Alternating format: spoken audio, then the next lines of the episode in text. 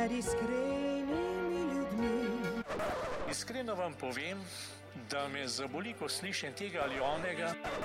Prejmite, prosim, iskreno uh, izraze mojega obžalovanja. Well, I think that I'm an honest person. I feel I'm an honest person. Težko je biti pameten, če sem čest iskren. To je doista bila moja iskrena želja. Iskreno hvala vam za vse, kar počnete.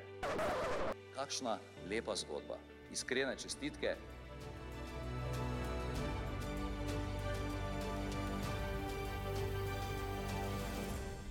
Drage poslušalke in spoštovani poslušalci, prisrčno dobrodošli v novi oddaji najbolj iskrenega podcasta, podcasta, kjer ne ustvarjamo mnen, ampak skušamo spremeniti kakšno srce. Moje ime je Dušan Poslek in danes bomo pogledali v teden, ki je za nami. Seveda ne dobesedno, ampak smo pa v prejšnjem tednu v Cerkvi na Slovenskem obhajali teden molitve za duhovne poklice. Verjetno ste pri Maši ali pa na družbenih omrežjih ali pa v časopisu zasledili prošnje in pozive, da se kot občestvo združimo v tej molitvi za naše duhovnike in za bodoče duhovnike ter vse ostale duhovne poklice. No, danes pa od teh molilcev prehajamo oziroma se podajamo na drugo stran. Podajamo se torej k tistim, ki, ki jim ta molitev v prvi vrsti je namenjena, torej k duhovnikom in bogoslovcem. Zato v moji družbi z velikim veseljem danes eh, pozdravljam moje današnje sogovornike in sicer dr. Janeza Kozinca, duhovnika in koordinatorja propedeutičnega letnika, duhovnika Vlada Bizjaka, duhovnega spremljevalca v propedeutiku in pa bogoslovca Jureta Ferletiča. Tako danes nas je malo več zbranih in to vse z namenom, da vam poslušalke in poslušalci čim bolj predstavimo pogled duhovnikov in bogoslovcev na pot, po kateri oni stopajo in pri kateri jih lahko mi, laiki, vsaj z molitvijo tudi podpiramo. Janez in vlado, zdaj mi smo se že na začetku dogovorili, da se bomo v tem podkastu kar tikali in začne kar dejansko pri vama in pri pravkar končanem tem tednu molitve za duhovne poklice. Ko vidva takole izpred oltarja pozivata, prosita nas, vernike, da molimo za duhovne poklice, kaj se vama recimo zdi najpomembneje, oziroma če vaju malo provokativno vprašam, kakšne duhovnike si sploh želimo izmoliti, Janez? Uf, težko je najti enega, kakršnega bi si morda jaz želel.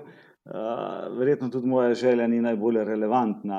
Um, tako bom rekel, pa iz svoje izkušnje, ko sem srečeval duhovnike, uh, bom rekel, so me zmeri pritegnili tisti, ki so bili avtentični v svojem poklicu, bi rekel, specialisti. Uh, malo goreči, uh, živi, mladi ali stari, um, taki, bi rekel, ki si upajo malo tvegati, malo stopiti iz cone obdobja. Um, sicer uh, molim, gospoda, prosim, uh, tudi za duhovne poklice, včasih pa res priznam, imamo v, v, v mislih tudi kakšno ime, za katerega še mogoče gospodu osebno priporočam. Gospod bo pa vedel, uh, kaj bo prav naredil, kdo bo tisti poklic, ki ga pa on želi imeti. Jaz bom na začetku malo pošalil. Torej, mi molimo običajno za svetost že poklicanih, pa za nove duhovne poklice. Kakor da bi hoteli reči, tisti, ki smo poklicani, nismo še sveti, molimo, da bi bili sveti, tisti, ki smo že duhovniki, ne. Tisti, ki pa Bog kliče, pa neč ne molimo, da bi bili sveti, ampak samo, da bi bilo veliko poklicanih. Kar je malo zanimivo, ne. Ampak vseeno, Gotovo si želimo svetih duhovnikov, zdaj pa vprašanje, kaj si kdo pod tem predstavlja, svet duhovnik. Ne? En si predstavlja bolj pobožne duhovnike, drug si predstavlja bolj pastoralno aktivne duhovnike, tretji si predstavlja bolj, vem, socialno angažirane duhovnike, vse sorte. Pač, jaz bom tako rekel, ne, Jaz bi si pač želel takih duhovnikov, ki si jih Bog želi za danes, ne, za 21. stoletje. Zdaj, kakšen točen tip je to, ne morem točno reči. Ne. E, najbrž so tudi danes potrebni različni duhovniki, se pravi, vsak s svojo osebno karizmo. Um, Tisto, kar pa se mi zdi, da je mogoče specialno za današnjo dobo, bi pa lahko bil duhovnik, misionar, ne, ki zmore, oziroma uspe biti misionar v trenutnem razkristjanjenem okolju. Hkrati je pa to tisto, kar se mi zdi pravzaprav najtežje za duhovnika. Ne? Ker ni tako težko vzdrževati to stanje, kot je, dosti težje pa je biti um, misionar um, temu našemu ljudstvu, ki je vedno bolj nekako se nam zdi oddaljeno od, od Boga in krščanstva. Jure, podobno vprašanje uh, zate, uh, ampak vseeno malenkost drugače. Ne? Ti zdaj, če se jaz ne motim, si v prvem letniku bogoslovja. Kaj pa tebi, recimo, ta molitev, ta podpora laikov, vernikov pomeni, ko se res občestvo združi v molitvi in vas skuša na ta način podpreti? Kadar, kadar je občestvo združeno v molitvi za duhovne poklice, mislim, da pride do izraza predvsem to, da je duhovni poklic, da so duhovniki um, še vedno v srcih ljudi in da si ljudje želijo duhovnikov in da si želijo dobre in svete duhovnike. In to je ena velika spodbuda na poti za študij, za delo in najpomembnejši je odnos z Gospodom, ampak to, da vemo, ko bogoslovci, recimo, da imam podporo, da vemo kot bogoslovci in tudi duhovniki, da vejo, da imajo podporo pri ljudeh. Mislim, da je to zelo pomembno na poti formacije za ustrajati in pri delu, zato da radi opravljamo delo in poslanstvo, ki ga imamo trenutno, recimo mi kot bogoslovci, duhovniki pa kot župniki, kaplani in ostala dela, ki jih opravljajo. Um, in na tem mestu, če smem, se mi zdi tako še posebej pomembna, oziroma nimam niti prave besede, um, ta molitev mladih za duhovne poklice, ker kadar ponavadi se vidi, pa kadar se predstavijo kakšne skupine za duhovne poklice, za nove duhovne poklice, več ali manj so to um, kakšne gospe po župnijskih občestvih. Tako um, se mi zdi pa dobro in lepo vključevati mlade, ker ne vem, to je nekako moj pogled, ampak zdaj bojo mladi tisti, ki bojo potrebovali duhovnike v prihodnosti, in se tudi na ta način, kadar se goji med mladimi v mladinskih skupinah, med animatorji na župnijah, molitev za nove duhovne poklice, tudi nekako ta pomembnost in vloga um, duhovnika, ki lahko tudi prebudi kakšen nov duhovni poklic izmed teh, ki molijo. Janez, letošnje vodilo ne, v tem tednu molitve za duhovne poklice je bilo: pripadaj, išči, odloči se. Torej, klic vsem mladim, da ostanejo iz kavča svojega obdobja, da spoznajo svoje bistvo in poslanstvo in se odločijo in svoje življenje izročijo v božje roke. Obenem pa je to geslo bilo tudi klic odraslim, da naj ustvarjamo okolje, kjer bodo mladi lahko prepoznali svojo poklicanost za morebiten duhovni poklic. Janes, kako te besede tebe nagovarjajo kot duhovnika in kot eh, tistega, ki spremlja mlade na poti odločitve za duhovniški poklic? Uh, ja, zanimivo, ko sem gledal to, uh, rekel, to geslo, moto. Uh, je prva beseda pripadaj, se pravi, uh, govori o enem občestvu. Meni se zdi, da je to danes naša največja rak rana, ki vsak je nekaj sam ali v najboljšem primeru še morda povezan tu pa tam preko Zuma, sploh v tem, času, v tem času karanten. Uh, pripadati nekam se mi zdi res ključna stvar za naprej. Spomnim se izkušnje, uh, ko sem bil z duhovnikom, ko sem bil kaplan na dveh mestih, kako fajn je bilo, da, da sem imel vse duhovnika. Tudi če se nismo čez dan, ne vem koliko se rečevala, zjutraj so se pa videla, pa zvečer so se videla. Meni se zdi tako pomembno, da prihajaš in odhajaš iz enega občestva. Vse je potem lažje, lažje se je odločati. Uh, si v zadregi, pa mogoče samo na glas govoriš svojo situacijo, ki te skrbi, kaj morda je težko se odločiti. Pa če en samo tam sedi zraven tebe, pa te posluša, že ko govoriš, se, se, se že nakazuje rešitev. Um, tudi to iskanje se mi zdi, je takoj lažje, če vzade eno občestvo, kot pa če se moraš odločiti sam, že se dopisemsko. Uh, gledamo včasih, kaj ni do sam pri sebi razmišljal, kaj bi naredil, se je gotovo zmotil. Uh, tako smo se mi zdi ustvarjeni tudi, tudi mi ljudje, duhovniki posebej, tako kot ne vem možje, žene, ki se oženijo, so eno občestvo, tvorijo. Tudi mi rabimo eno, eno občestvo, se mi zdi, kjer, kjer lahko razmišljamo, kjer lahko iščemo, kjer, uh, kjer nas občestvo malo nese, drugič mi malo občestvo nesemo.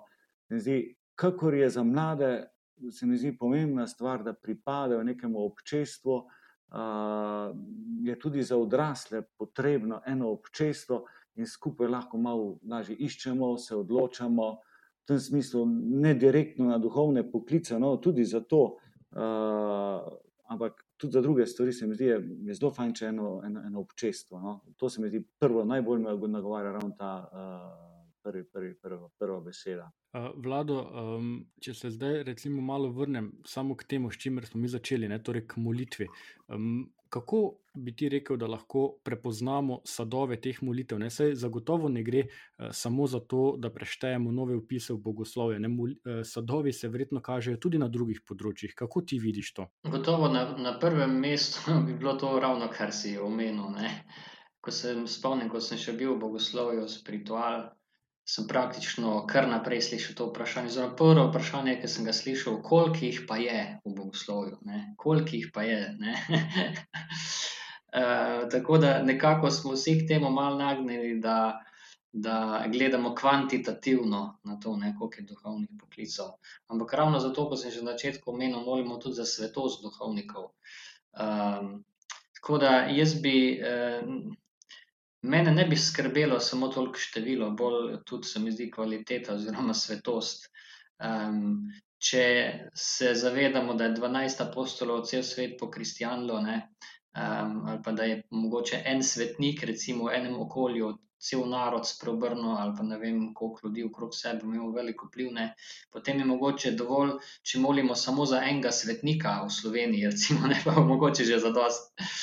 Tako da, um, ja, ni vse, niso vsi sadovi samo v kvantiteti uh, bogoslovcev, pač pa mogoče širše. Ne? Tudi to, da se med, med, med verniki prebudi ta zavest, da koliko so duhovniki potrebni, dragoceni da tudi, bi rekel, ne, do, um, se mi zdi, če tudi bi ljudje bolj podpirali duhovnike, bi se mogoče tudi duhovniki. Uh, Še malo bolj počutili, zelo potem tudi mlajši, rajši postali duhovniki.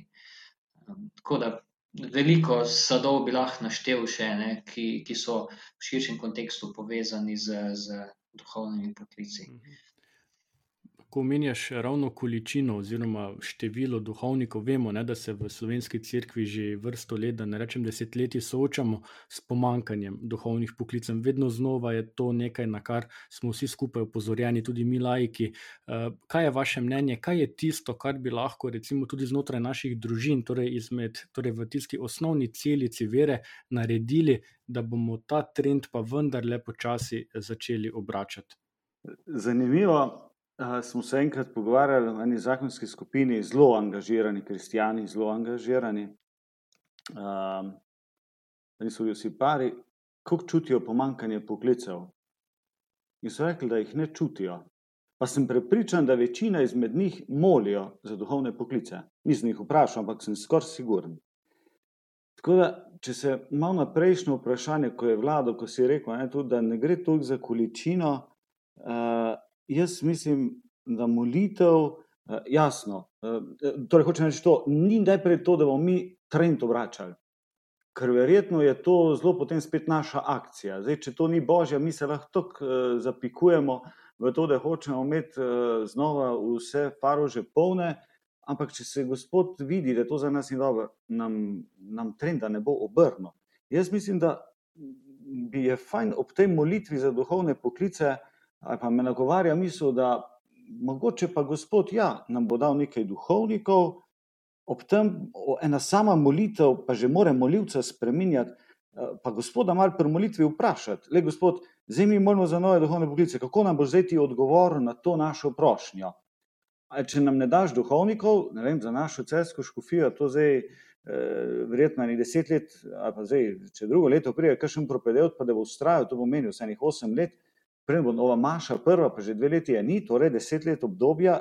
Jaz mislim, da moramo prepoznati, kaj pa nam Gospod hoče reči, potem, da nam ne da ali pa ne pošlje duhovnikov. Gotovo uh, če bi bile družine, lahko rečemo, mogoče malo bolj živo, virne, uh, da je bila, bom rekel, vera na splošno po družinah bolj osebna, verjetno bi to tudi pripomoglo k kakšnemu, da bi se lažje odločil.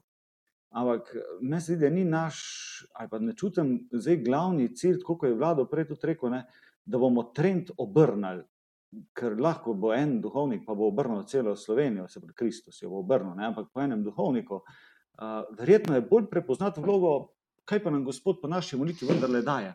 Uh, čemu, kaj naš, kaj, kakšen odgovor nam ponuja v, v, v tem času, uh, ki ni duhovnih poklicev. Verjetno nas hoče Mhm. kaj naučiti. Obenem pa se verjetno strinjate z mano, ne, da um, vsak duhovnik, to, kar si Janez že ti sedaj omenil, pa prej tudi vlado, ne, da vsak duhovnik dejansko prihaja izmed nas, ne, torej izmed ljudstva, izmed ljudi. Um, se vam zdi, oziroma se vam zdi, da se dovolj zavedamo pomembnosti tega, da smo vsi odgovorni in da lahko vsi pripomoremo k temu, da se bo več mladih eh, podalo na to duhovniško pot. Je to, recimo, se vam zdi, da tudi mi, laiki, dovolj eh, skrbi, dovolj pomembnosti pripisujemo temu, da je odgovornost delno tudi na nas? Gotovo je, ne, pravijo po duhovniku vera gor, po duhovniku vera dol, uh, je čist ista stvar v družini, po očetu vera gor, po očetu vera dol, po mami.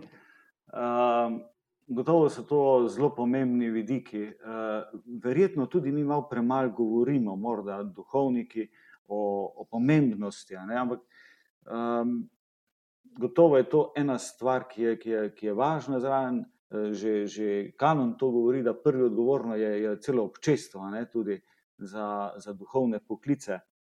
Um, bi rekel, ja, razvijati eno osebno vero, to vsak lahko pri, pripomore k temu, avtentično živeti krščanstvo. Veste, na vsakem mestu, kjer si ali duhovnik ali računovodja, če vsak pošteno dela, rekel, pa želi živeti. Jaz mislim, da je to največ, kar se da narediti. Ne. Sej tukaj jaz mislim, da nismo tako šipki ne, v samih dejanjih. E, mogoče kakšna beseda zraven, pa odprtost tudi do tega poklica, e, bi pa morda marsikaj še olajšala.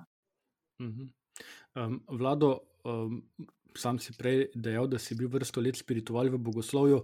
Nekateri mladi začutijo klic na duhovniško pot, pa se ga tega klica recimo ustrašijo. Kaj bi ti tem mladim, recimo, odgovoril, svetoval, predvsem tem, no, ki jih res prevzema en strah pred to potjo? Jaz bi jih mogoče spodbudil k, k pogumu, pa k odločitvi, k prvemu koraku. Mi smo, recimo, um, prav zaradi tega se trudili uh, v zadnjih letih ukrepiti, recimo tudi propedeutični letnik je ena izmed teh, uh, bi rekel, ukrepov, da nekdo ni že kar takoj uh, uh, v talarju, pa že kar skoraj določen za duhovnika. Se pravi, da imaš eno umestno stopnjo. Uh, potem imamo tudi možnost spremljanja mladih, ki ne vejo, bi ali ne bi. Ne? Se pravi, ni se ti treba že kar takoj odločiti, pa skočiti v vodo. Ampak lahko tu in tam in tam dobiš kakšno pomoč, kakšen nasvet, nekoga, ki te spremlja, pa boš malo bolj um, videl, ne, ali si ali nisi za to. Um, hočem reči, jaz bi mu ponudil podporo, pa spodbudo, da mogoče s tem malo umiliš strah. Ne. Potem tisto, kar lahko ponudimo, je pač tudi to, da, da enostavno um, pomagaš mladim, da, kot duhovnik, da si mu blizu, da, vem, da je s tabo, da ti pomaga, da vse en delno živi, ne, da malo izgubiti strah, da zdaj duhovniško življenje ni neki bav, bav, ne, nismo neki marsovci, ki živimo neko posebno življenje, ampak smo čisto normalni ljudje, kot vsi drugi. Um, mogoče nekaj od teh prejemov, najbrž bi se še lahko tudi spomnil, ampak recimo to bi bilo glavno. Jure, z vladom smo zdaj nekako načela. Eh... Te strahove, ki se jih mladi opažajo, ki so jih deležni, ko se odločajo, povej ti tako iz prve roke, ne, kot uh, bogoslovec, s kakšnimi strahovi, oziroma s kakšnimi pomisleki si se recimo uh, ti soočil, in ne na zadnje, kako si jih premagal. Pomisleki so se pojavili že takoj na začetku, ampak um, in strah tudi s tem skupaj, ampak bi rad takoj na začetku povedal, da to ni, to ni vedno slabo. Tudi strah ima, po mojem mnenju, dve plati. In po eni strani je strah za prihodnost, strah se odpovedati svojim načrtom, ki si jih izoblikuješ že v srednji šoli, ali pa tudi če že kaj drugega delaš, preden se odločiš zastopiti na to pot. Po drugi strani se mi pa zdi um, strah oziroma ta neka negotovost priložnost, da malo bolj preuprašam um, to odločitev, ali sem se res pripravljen podati na to pot, ali sem se res pripravljen odpovedati, um, ali mislim resno, ali je to samo ena kaprica, ker um, ja, spopadanje s strahom je ponavadi težavno in zahteva nekaj osebnega dela in um, poguma. Ampak vsekakor, no, če je božji klic, potem se ni česa bati. Nevarnost je pa to, da vsaj jaz vidim to kot nevarnost, sploh ne se soočiti. Se pravi, kadar se pojavi misel, po mojem mnenju, pusti si in premisli o tem, in ne se zapreti. V najslabšem primeru boš nekaj časa porabil za premišljevanje in boš bolj vedel, kje si na poti življenja in kaš, kakšna je tvoja poklicanost. In sej, če začne človek premišljati o tem, kam je poklican, nujno, da bo šel za duhovnika. Lahko tudi razloči, da je ustvarjen zato, da je družinski oče ali pa da živi uh, samsko življenje ali pa da gre v samostan ali pa razloči, kaj je recimo njegov profesionalen življenjski poklic, recimo tudi kakšna je njegova služba. Tako da mislim, da strah razmišljati o tem, um, oziroma se ni treba bati razmišljati o tem, zaradi tega, ker um, je tak oseben razmislek je koristen, ne glede, ne glede na končno odločitev. Um, tako nekako. Pa, ko si ravno omenjal ne, eh, ta strah, da se mu enostavno eh, ne smeš, oziroma da se ni dobro mu prepustiti. Da te tako vprašam, ko pogledaš prihodnost, ko pogledaš svojo pot, ki, po kateri si želiš eh, stopiti, ki pa vidiš ti največje izzive, ki jih boš mogel premagati na eni strani, in na drugi strani, česa se pa najbolj veseliš na tej poti, ki je pred tabo. O strahovih ne bi ravno govoril, ampak večjemu o predstavah glede duhovniškega poklica in o delu duhovnika. Um, ker te govorice, fame, ki zdaj krožijo o tem, kakšna bo crkva v prihodnosti, prazne crkve, vedno manj duhovnikov. To niso relevantne stvari, vsaj po mojem mnenju, ker glavn, glavna stvar, zaradi katere se odločiš, oziroma sem se odločil, je to, da odgovorim na božji klic.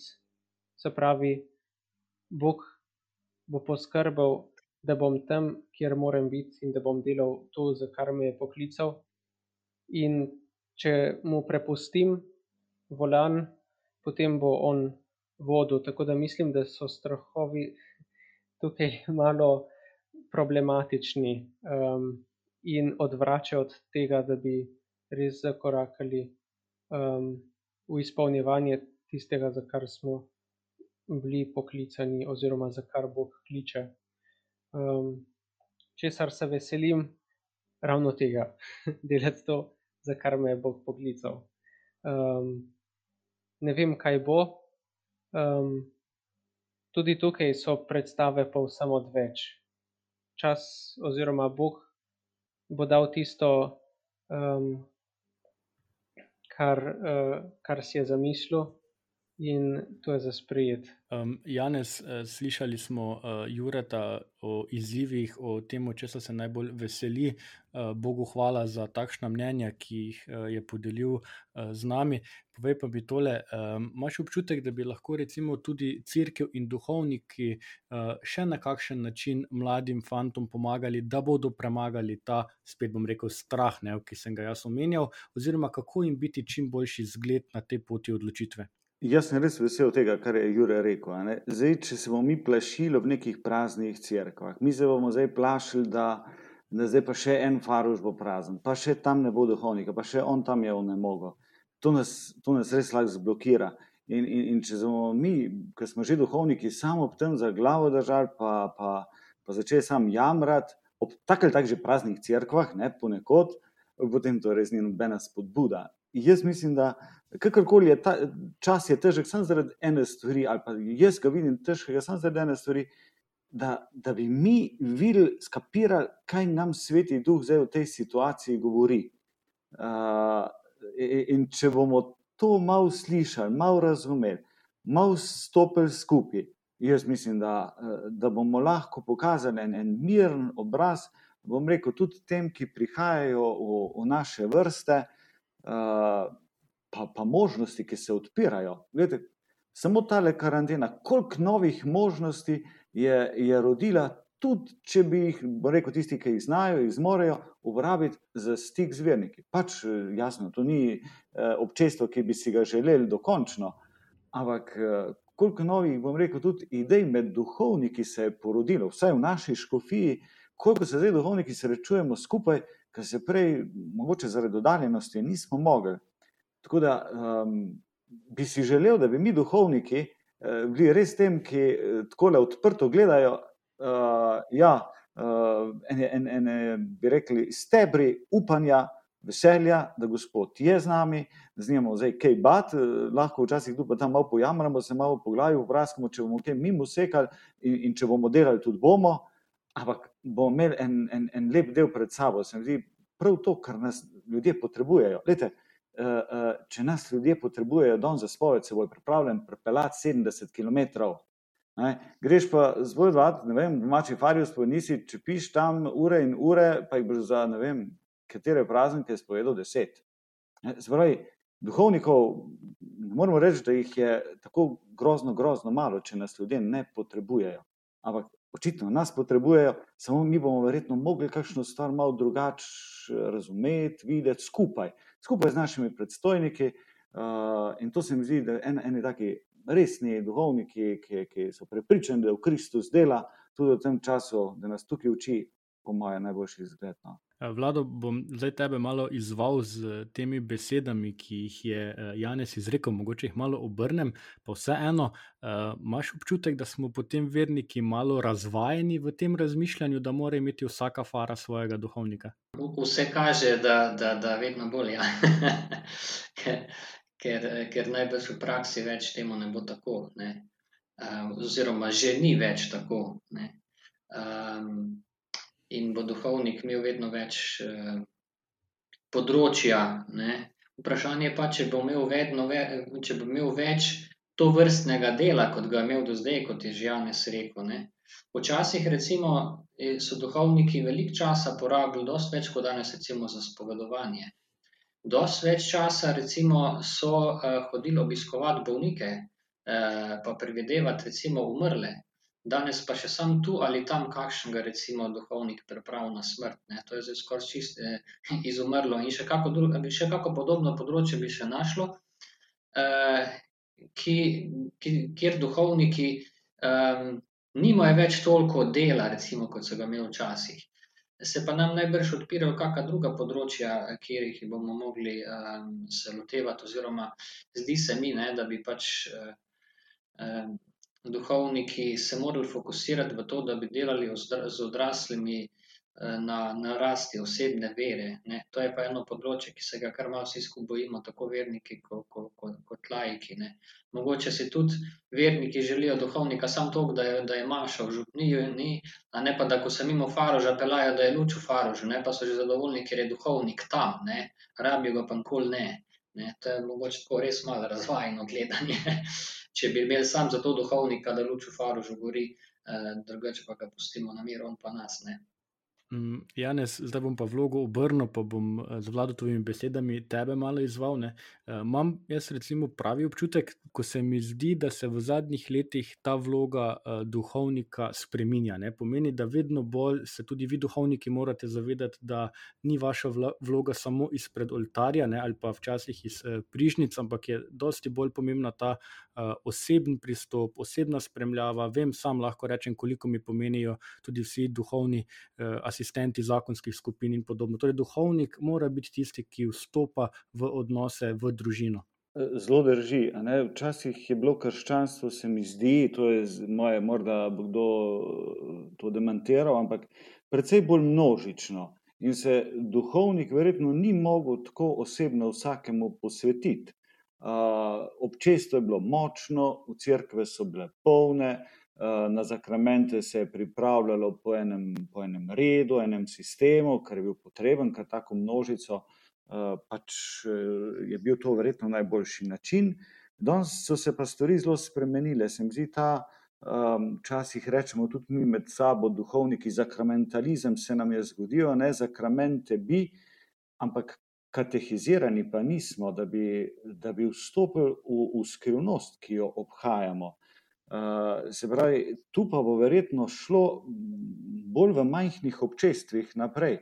Uh, duhovnik z verjetno z enim občestvom sodelavcev, sodelavci pa naprej. Tako je vlado prej rekel, misijonskost vsakega kristjana. To je drugi vatikanski koncil zelo, zelo podčrtal, da imamo vsi uh, nalogo misionarja, da ne tam prebiramo, smo se učili, zdaj smo postali pa. Uh, smo postali zreli kristijani za pričevanje. Ja, česa. Uh, Se pravi, jaz mislim, da se bo tukaj kar, kar precej moglo spremeniti in se že spremenja. Ne? So že primeri tu na Štajerskem prakse, uh, ko duhovnik res dela intenzivno, res duhovniško delo, z, uh, katehizira ali pa vzgaja sodelavce, jih, jih teološko poučuje, jih, jih odpira se pismo. Da potem oni lahko naprej s svojimi vrstniki, so vrstniki, ali, ali so to starši, ali so to mladi, naprej oznanjajo svojo izkušnjo vire. Uh, zdi se mi, da bo to moglo zaiti bolj v to smer naprej. Nekaj bo še tudi množičnega, verjetno. Ampak eh, tisti, ki bojo pa začeli želeli malo mal več, bo pa verjetno bojo nastajala občestva, v katerih uh, se bo tudi več ponudilo. In tukaj se mi zdi, bomo duhovniki zelo pozvani uh, dajati in hraniti tiste, ki pa hočejo malo več. Danes rekel, rekel, če imaš eno množico pred sabo, sto ljudi, ne moreš zdaj tam uh, v grščini razlagati sveto pismo uh, ali pa ne vem, v latinščini dogmatiko, eni bi to zelo radi, uh, pa bi to njim dobro tudi ena dobra hrana, uh, ampak zastaviš tako nekako za eno sredino. Verjetno bi pa kiri se radi hranili tako, bi apostol Pavel rekel, z mesom. Ne? In tega mesa se mi zdi, mi mi duhovniki se moramo naučiti, pa vaditi, takim, ki to želijo tudi ponuditi. In so. so. Vlado, bom počasi še z enim vprašanjem zaključil uh, to temo. Uh, Mislim, to vprašanje, ki smo se ga lotili. Povej mi, kako pa ti gledaš na družbo kot takšno? V kakšno družbo mi pošiljamo bogoslovce, mlade duhovnike? Ja, predvsem v razkristjanjeno, glede naprej, recimo, ki je bila po kristjanju še pač nekaj desetletij nazaj. Ne?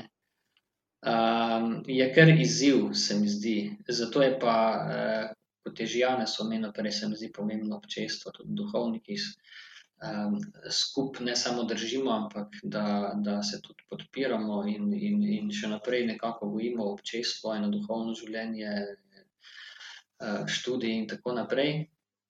Um, ker drugače enostavno um, lahko ta svet odnese, ker, ker um, se lahko hitro zgodi na župni, da enostavno um, znižaš kriterij, ne, uh, vedno niže, vedno niže, vedno bolj posvetno. Ne, mislim, da pa več čiša govori o duhovni posvetnosti, tudi med duhovniki.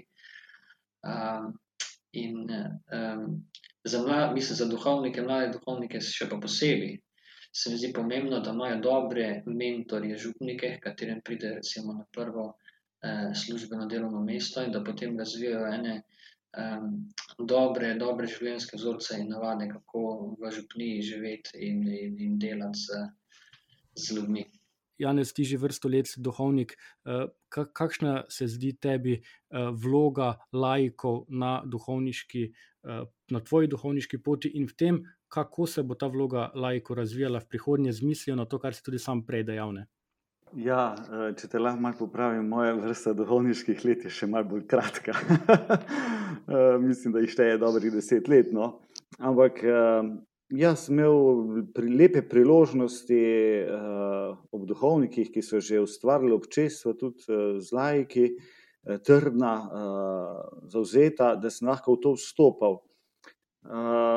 Uh, kar bi rekel, tako veliko sem se naučil od tistih, ki so bili zelo užgani v veri, goreči. Uh, morda tudi sem čutil od njih neko naklonjenost ali pa sem se čutil pri njih zelo gotovega, da sem si dal reči, uh, le veš, kaj ne bi bilo boljš, mogoče tako, da je razmisel. Uh, Spomnim ene ekipe, ki smo, bom rekel, recimo na prvem kaplanskem mestu, ogromno skupaj načrtovali, katehistine, resne ženske, ki so mi mnogo krat pomagali, pa pokazali, da to bi se lahko tako obhajalo, morda bi pa to tako naredili. In smo skupaj, sem bil pravzaprav tudi z njihove strani uh, tako prijetno poučen, pa so bili od mene tudi, so bili od mene tudi zahtevni. To mi je ostalo zelo v spominu. Se spomnim, ena, ena mama, uh, rekel tudi preizkušena družina doma, mi je napisala ob odhodu, da si želi, da bi mi Bog dal zahtevnih vernikov. In sem mislil, ja, res, to bo mene gor držal. Po drugi strani m, pa poznam tudi tistih šol, uh, ki sem jih dobil, morda takih, ki so malo bolj oddaljeni. Tam, seveda, ko je človek še malo bolj na začetku, je še malo bolj oster, še malo več robov, še malo bolj ostro reče, v misli tako je prav. In te tako zelo presenetijo svojo situacijo, pravzaprav te sezujejo, moš priznati svojo napako, se upravičiti. Včasih tudi mladi, celo veroukari, ti znajo včasih tako bom rekel, povedati globoko, da imaš cel teden za premišljati. Tako da se mi zdi, da sem se od njih lahko ogromno učil. Uh, Kar tudi zdaj, uh, tudi tu smo eno občestvo, zaenkrat so tu še lajki v hiši, tudi ne, tile, uh, naši fanti, propedelti, uh, in, in, in, in tudi ob njih dobivam gledalo zase. Uh, tako da se mi zdi, če, če, če hočem, imam zmeraj kakšen rekel, dober pouk, pa priložnost za, za rast skupaj z njimi. Um, če sem približno odgovoril. No, vidim pa enostavno, da eh, crkva je, je oboje, smo skupaj duhovniki in, in uh, lajki, ti, oni služijo nam, mi, njim, mi služimo njim, vsak na svoj način. Ne, se, moramo, moramo slišati, moramo biti uh, na nek način iskati uh, dialog v vse čas. Vlado, mogoče je zelo podobno vprašanje tudi, tudi za tebe. Ne? Um, kje ti vidiš uh, prihodnost tega sodelovanja med duhovniki in laiki ob upoštevanju uh, dejstva, da je, kot smo že na začetku ugotovljali, številčno gledano duhovnikov vse manj? Ja, jaz bi bil zelo vesel, če bi v vseh župnijah ali pa pač tam, kjer so duhovniki, da bi se okrog njih ustvarilo eno lepo občestvo.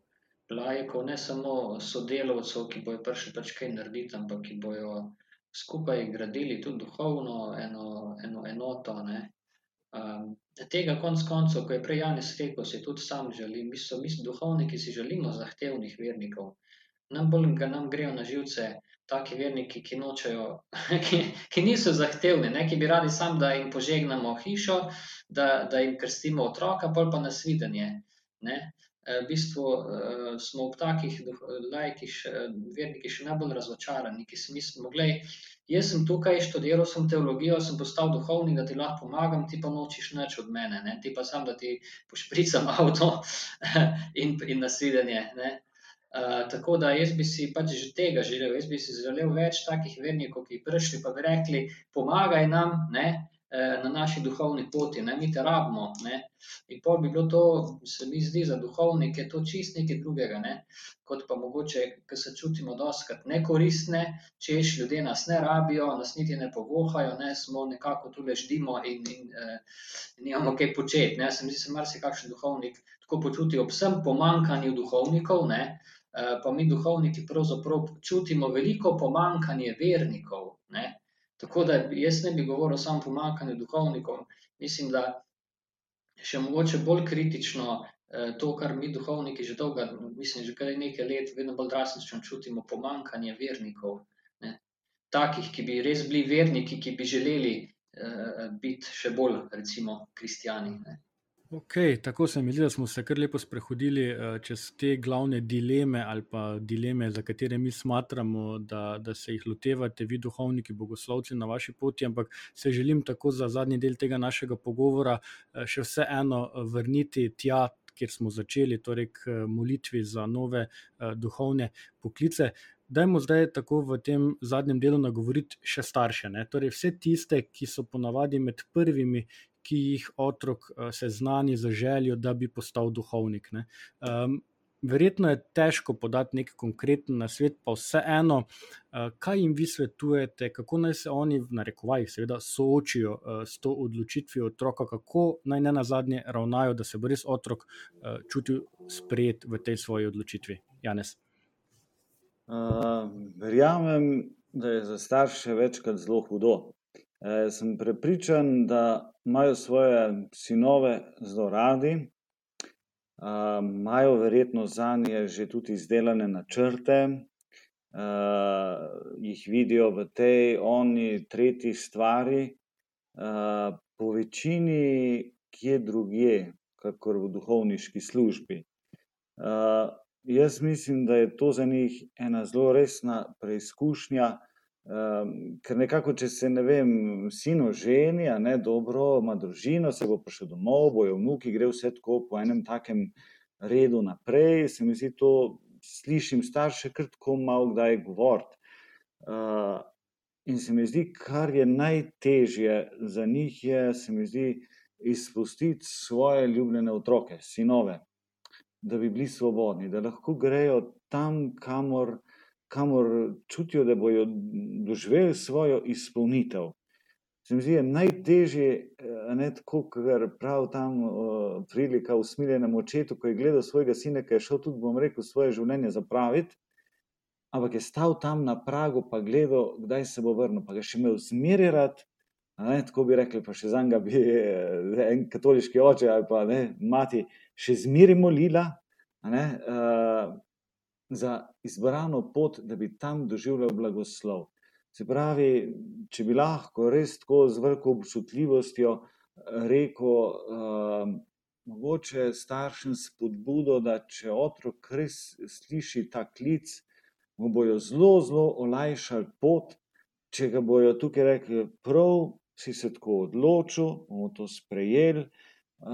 Verjetno bojo najprej mogli zelo za sebe moliti, da bojo lahko to sprejeli, in potem svojemu sinu dali odprte roke: "Glej, bomo te spremljali, bomo molili zate." Mogoče tudi iskreno rečejo, da, ma, smo mislili, da bo malo drugače, pa če se da, potem že to čez kakšen teden ali pa mesec reči v eni šali, ampak enostavno, da, da jih upajo izpustiti, slej ko prej je to treba.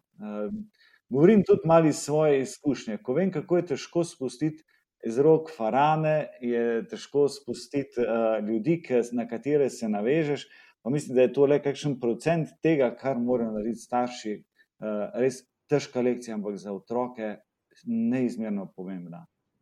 Jure, mogoče na tej točki, bi še tebe želel tako malo za konec, izzvati, kakšna je bila tvoja pot te odločitve oziroma seznanjanje teh tvojih najbližjih s to tvojo odločitvijo, da si, da se boš podal v bogoslovje na duhovniško pot?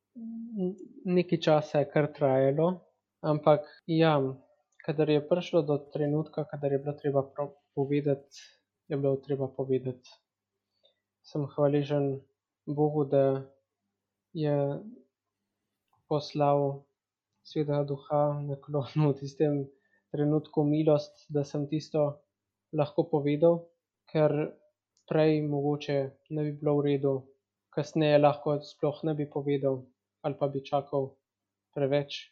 Jaz sem enostavno sem samo hvaležen za to, pa za, za to pot, ki jo da sta tudi mama in oče čez, ko sta z mano.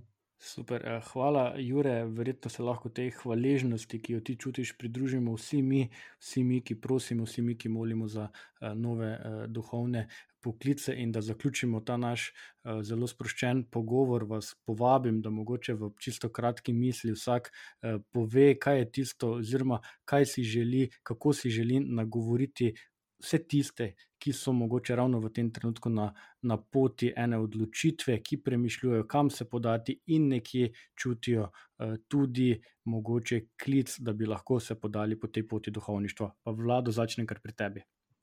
Jaz si želim na nekako, uh, da bi na vseh straneh uh, začutili, kaj to duhovnik je. Uh, da bi v molitvi, ne, ko smo jih tega za duhovne poklice, oziroma že mimo, um, nekako začutili to, bi rekel, biti Jezusovega srca. Ne, in se mi zdi, če bomo bolj Jezusovi, ne, bomo bolj začutili, kaj je to duhovnik, uh, bomo tudi mi duhovniki bolj. Uh, bolj duhovniki, in nas bodo tudi vi, lajki, bolj gledali kot, uh, kot duhovnike, ne samo kot kakšne funkcionarje ali kaj podobnega. Um, in ta poglobitev zavesti, kaj to je biti duhovnik, tudi kristijani, krstno duhovništvo, mislim, da je to tisto, kar, kar potrebujemo. Ja, če govorim direktno tistim, ki morda uh, tuhtajo o tej zamisli. Nam je enkrat sestra, ena misionarka, rekla tukaj v hiši letos, da misel in veselje na duhovniški poklic si človek ne da sam da, da to je klic od Boga. Se referiram na Jureta, ki je že prej tako govoril. Uh, lede, jaz sem tudi drugače stopil po poti življenja. Včasih se hecam življenje pred bogoslovjem in življenje po bogoslovju, ker normalna pot je tam, da bi nekje pred 20 priješ v bogoslovje in greš lepo, bom rekel, česa. Uh, Jaz se spomnim, pa sem imel, lahko rečem, lepo življenje, Bogu hvaležen za vsak trenutek. Če bi vedel, da sem za duhovništvo odločil, pravim, bi še vse enkrat živel. Eh, ampak včasih sem videl, da ob misli na duhovništvo se mi zdi, da bi pa še bolj polno živel, kakor sem že prej živel. Tako bi rekel, sem bil na 95%, ampak tistih 5% je ključnih. Tako, kakor tisto, ko rečem, reč, eno ti manjka, tisto eno jaz hočem imeti in sem videl, da, da se bo treba vreči, biti iskren s sabo. Reči, gospod ne bo napisal uh, pošte, eh, ne bo se obrlo, odprlo nebo, pa ti je rekel, hej, Janes, pridi za duhovnika, te kličem. Ne, ampak ti bo dal znamenja, ti bo dal uh, v srce veselje, uh, do duhovništva, do prazne crkve, to sploh vidiš, ne. Ampak ti da veselje od tega, da bi bil z njim. In mi se zdi, da z gospodom je potem res 100% želje. Pa pa ne neka stoprocentna sreča, wellness, da smo imeli super, fajn, vsi po zraku skozi plesa. To bilo čudno, ne? je da, da tudi uh, trpljenje, da trnje, ampak pot, veš, da si tam, ki moraš biti. In to, to je pa za življenje neizmerno, neizmerno nekaj lepega. Tudi če je včasih težko, pa je. Po čem se vidi, da je človek našel svojo pot, mislim, potem, da to počne z veseljem in v hvaležnosti, za to, kar ima in za to, uh, za to pot, po kateri hodi. Um, zadnje, zadnje besede pa še škofovsko geslo našega škofa, pogum ljudstvo v deželi. Tako, eh, hvala, eh, hvala ti, Jure, tudi za te eh, zaključne misli. Hvala pa tudi, seveda, vsem trem za ta iskren pogovor.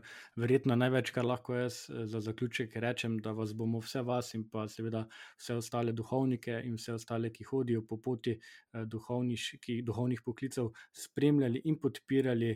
Obenem pa verjamem, da so lahko tudi takšne oddaje in takšni pogovori tudi pot po kateri oznanjamo lepoto in pa blagoslov vaše poklicanosti. Tako da res vsem trem najlepša hvala za vaše iskrive misli in za sodelovanje v tej oddaji. Hvala. Hvala lepa, enako, vse dobro. Hvala tudi vam.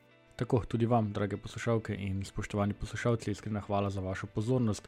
Vkolikor želite temu podkastu prisluhniti še enkrat ali pa prisluhniti kateremu, ki smo ga že objavili v preteklosti, vas povabim, da obiščete našo spletno stran, obiščete vašo knjižnico s podcasti in poiščete eh, naše oddaje. Vsekakor pa seveda so dobrodošli vsi vaši predlogi in želje za vnaprej.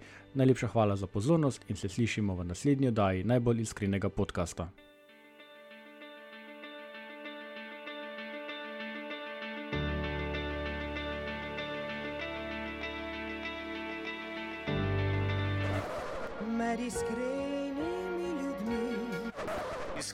Povem, da me zaboli, ko slišim tega ali onega. Sprejmite, prosim, iskreno uh, izraze mojega obžalovanja. Well, I think that I'm an honest person. I feel I'm an honest person. Težko je biti pameten, če sem čist iskren. To je doista bila moja iskrena želja. Iskreno hvala vam za vse, kar počnete. Kakšna lepa zgodba. Iskrene čestitke